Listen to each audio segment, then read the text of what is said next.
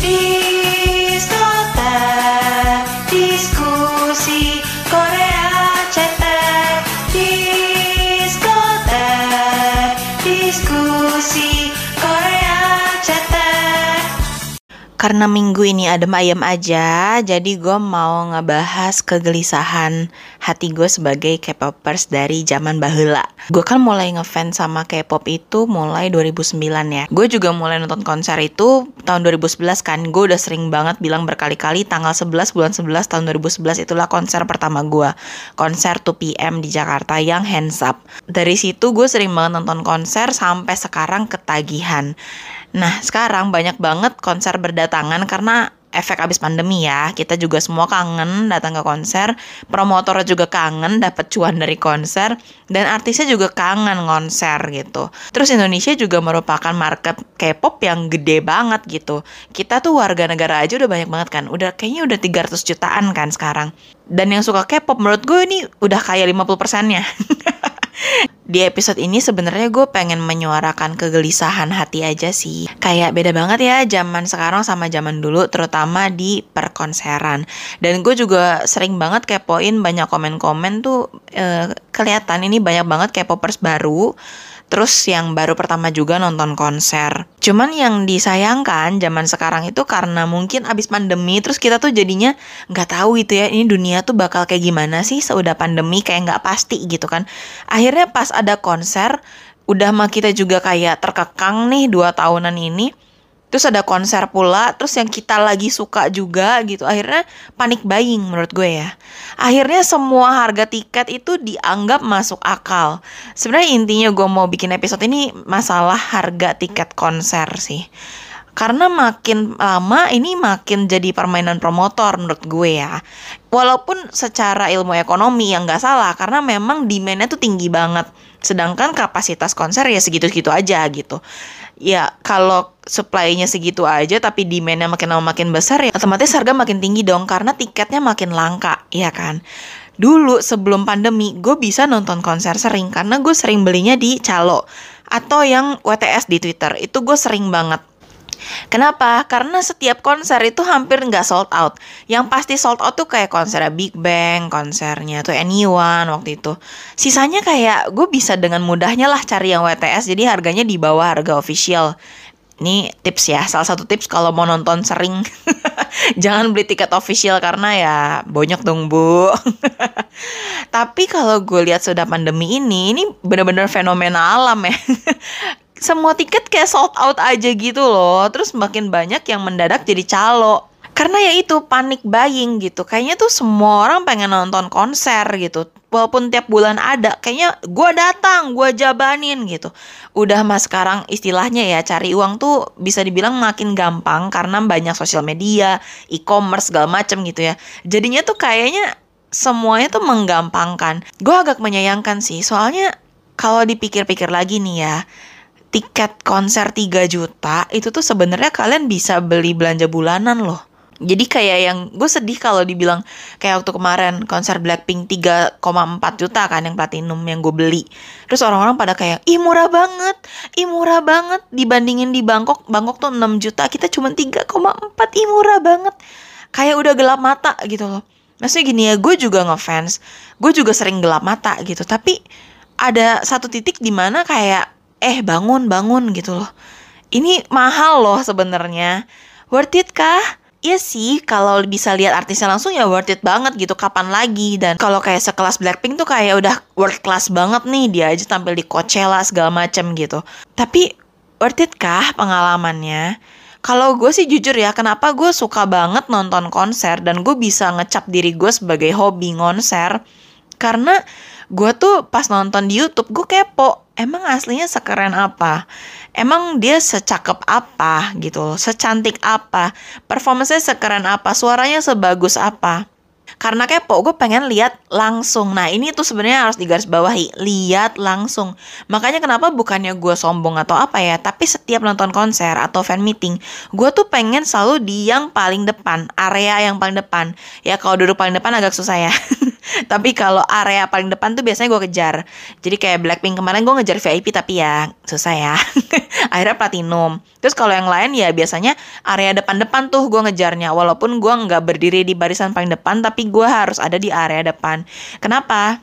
Karena akhirnya gue udah satu tempat nih sama si artisnya. Udah satu udara. Udah menghirup polusi yang sama. Terus gue masih jauh gitu liatnya. Terus gue masih lihat lewat layar gitu. Rasanya kayak buat apa gue bayar ya? Istilahnya ya walaupun di paling belakang bayarnya mungkin sejutaan atau tahun-tahun kemarin sih bisa lah ya di bawah satu juta gitu.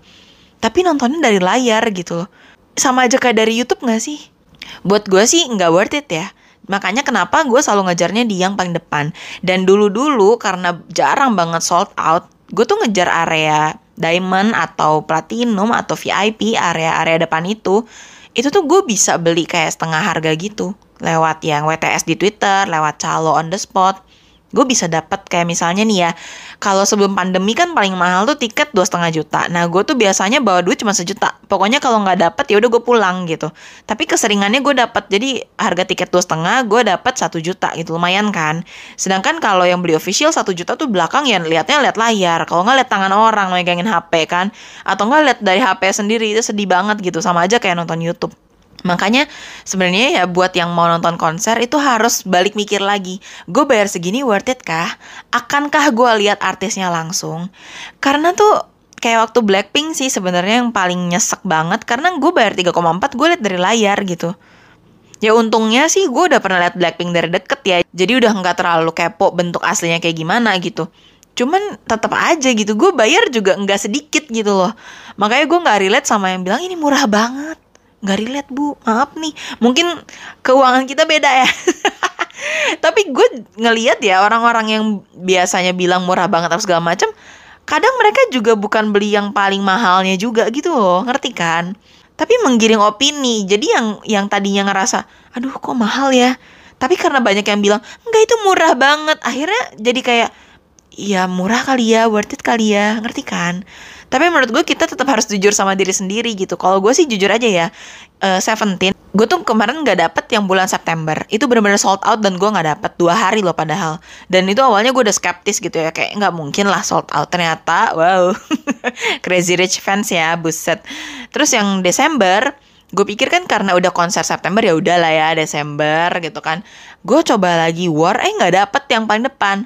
Sisanya masih banyak sebenarnya yang di bagian belakang belakang tapi gue nggak mau. Karena ya itu balik lagi worth it nggak kalau gue nontonnya di belakang. Mendingan gue di rumah youtubean kena AC enak kan adem nyaman. Dibandingin di sono gitu walaupun ada aja orang yang kayak yang penting dapat vibe-nya uh, kalau vibe-nya kayak di Tokyo Dome, kayak di Gocok Sky Dome, gue oke. Okay. Tapi kalau cuman di Indonesia buat vibe doang kayak apa ya, pulang-pulang tuh pasti ada rasa kurang gitu loh. Bahkan teman-teman gue aja ya, waktu kemarin Blackpink kan sebenarnya banyak juga teman-teman gue yang FOMO. Terus dia nontonnya di tribun. Dia balik-balik cerita, ya gue sih senang-senang aja sih cuman kayak nyesel aja gitu kayak pengen duduk lebih depan aja gitu ngerti kan jadi kayak tetap aja walaupun kita enjoy the vibe gitu tapi tetap aja namanya konser tuh pengen lihat langsung langsung. Itu harus digaris bawahi langsung.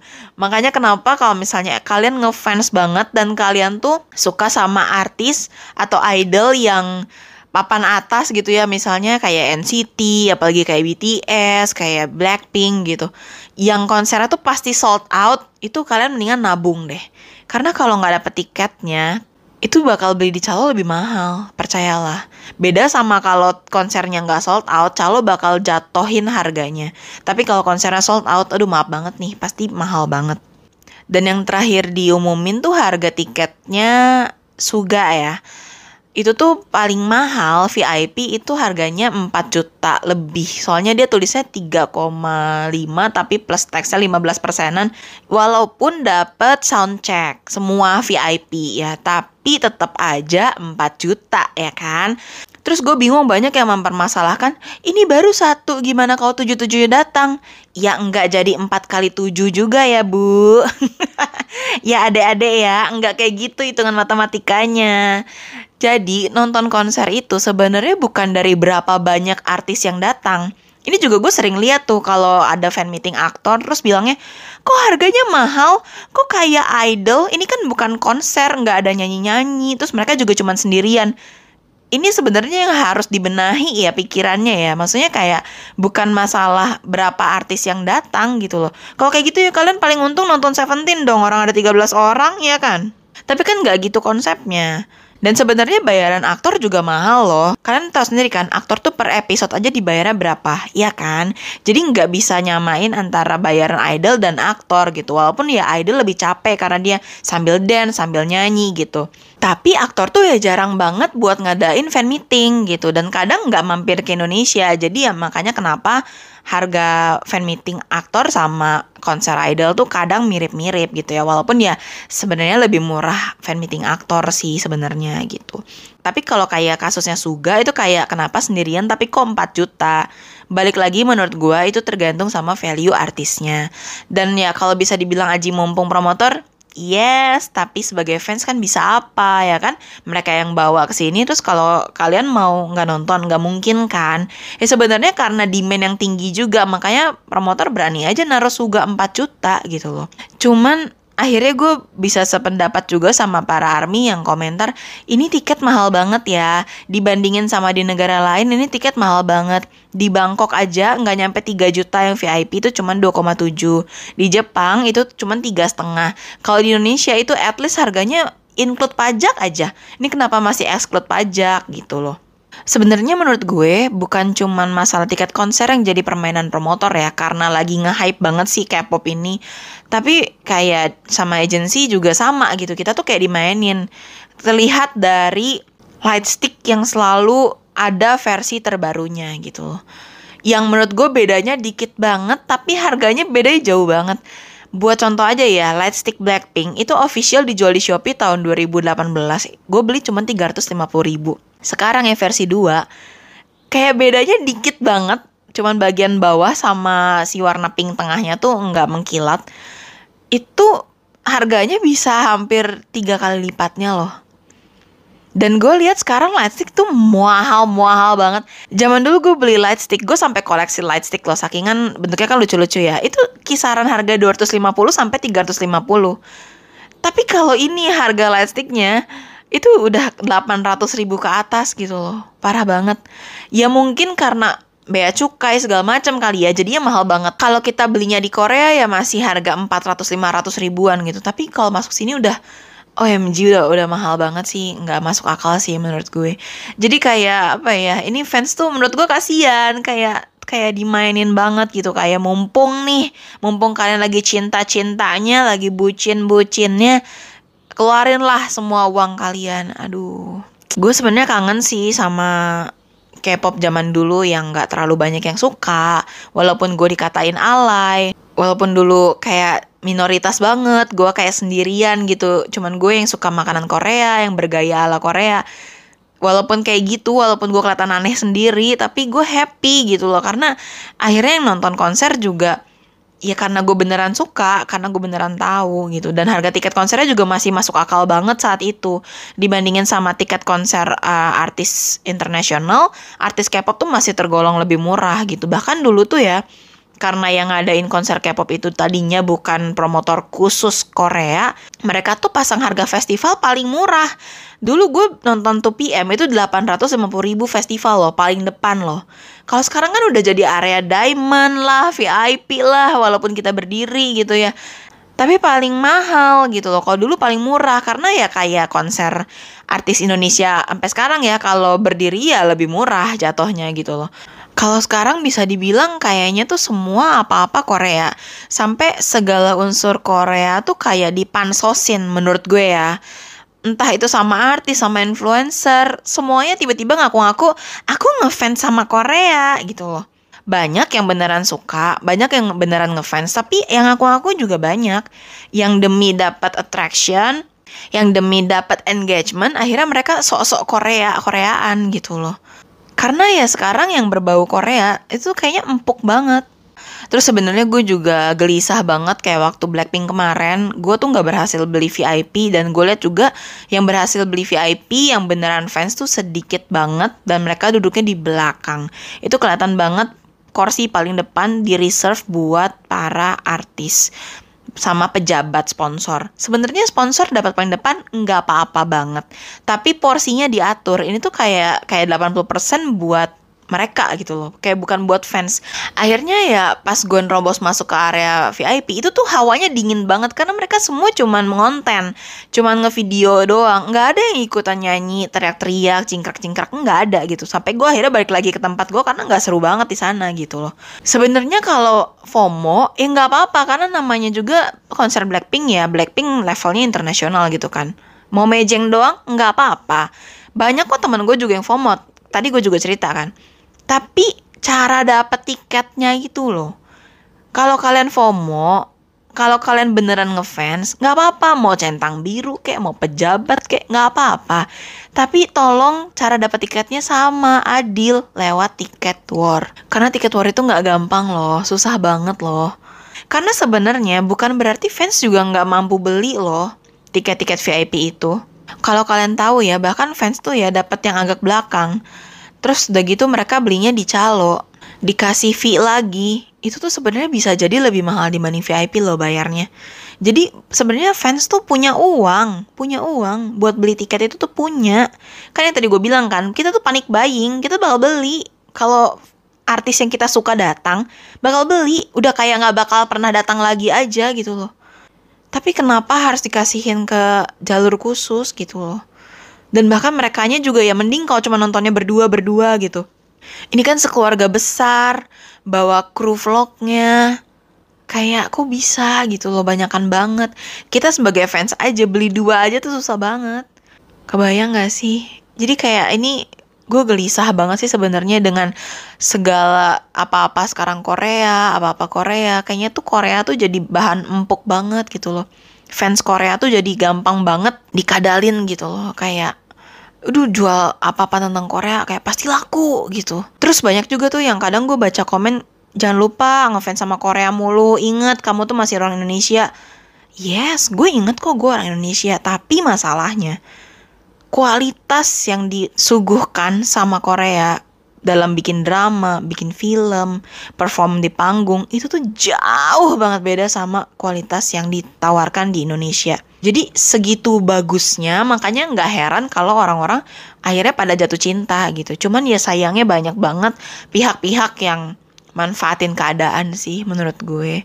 Jadi obrolan panjang muter ke mana-mana ini sebenarnya gue cuman pengen bilang ngefans itu boleh banget karena gue juga udah lama ngefans sama Korea.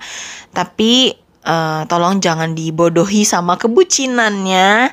Um, kalau misalnya nggak sanggup beli tiket konser harga segitu ya jangan maksain karena percayalah harga segitu tuh mahal. Kalau kalian baca-baca di situ semua pada bilang murah banget, murah banget. Biarlah gue sebagai senior fans ini yang bilang kalau itu mahal. Karena buat perbandingan aja ya, gue nonton Mama 2017 tiketnya tuh tiga setengah juta sekelas mama dan gue liatnya jelas ke panggung tengah. Terus di 2018 naik banget harganya jadi 4,6 juta, tapi itu sekelas mama. Dan gue duduknya di belakang artisnya. Jadi itu bener-bener worth it buat gue karena gue liatnya deket. Mungkin kalau gue bayar segitu tapi liatnya jauh ya gue tetap bilang nggak worth it gitu loh. Jadi balik lagi kalau nonton konser tetap harus pikirin worth it apa enggaknya. Oke? Okay?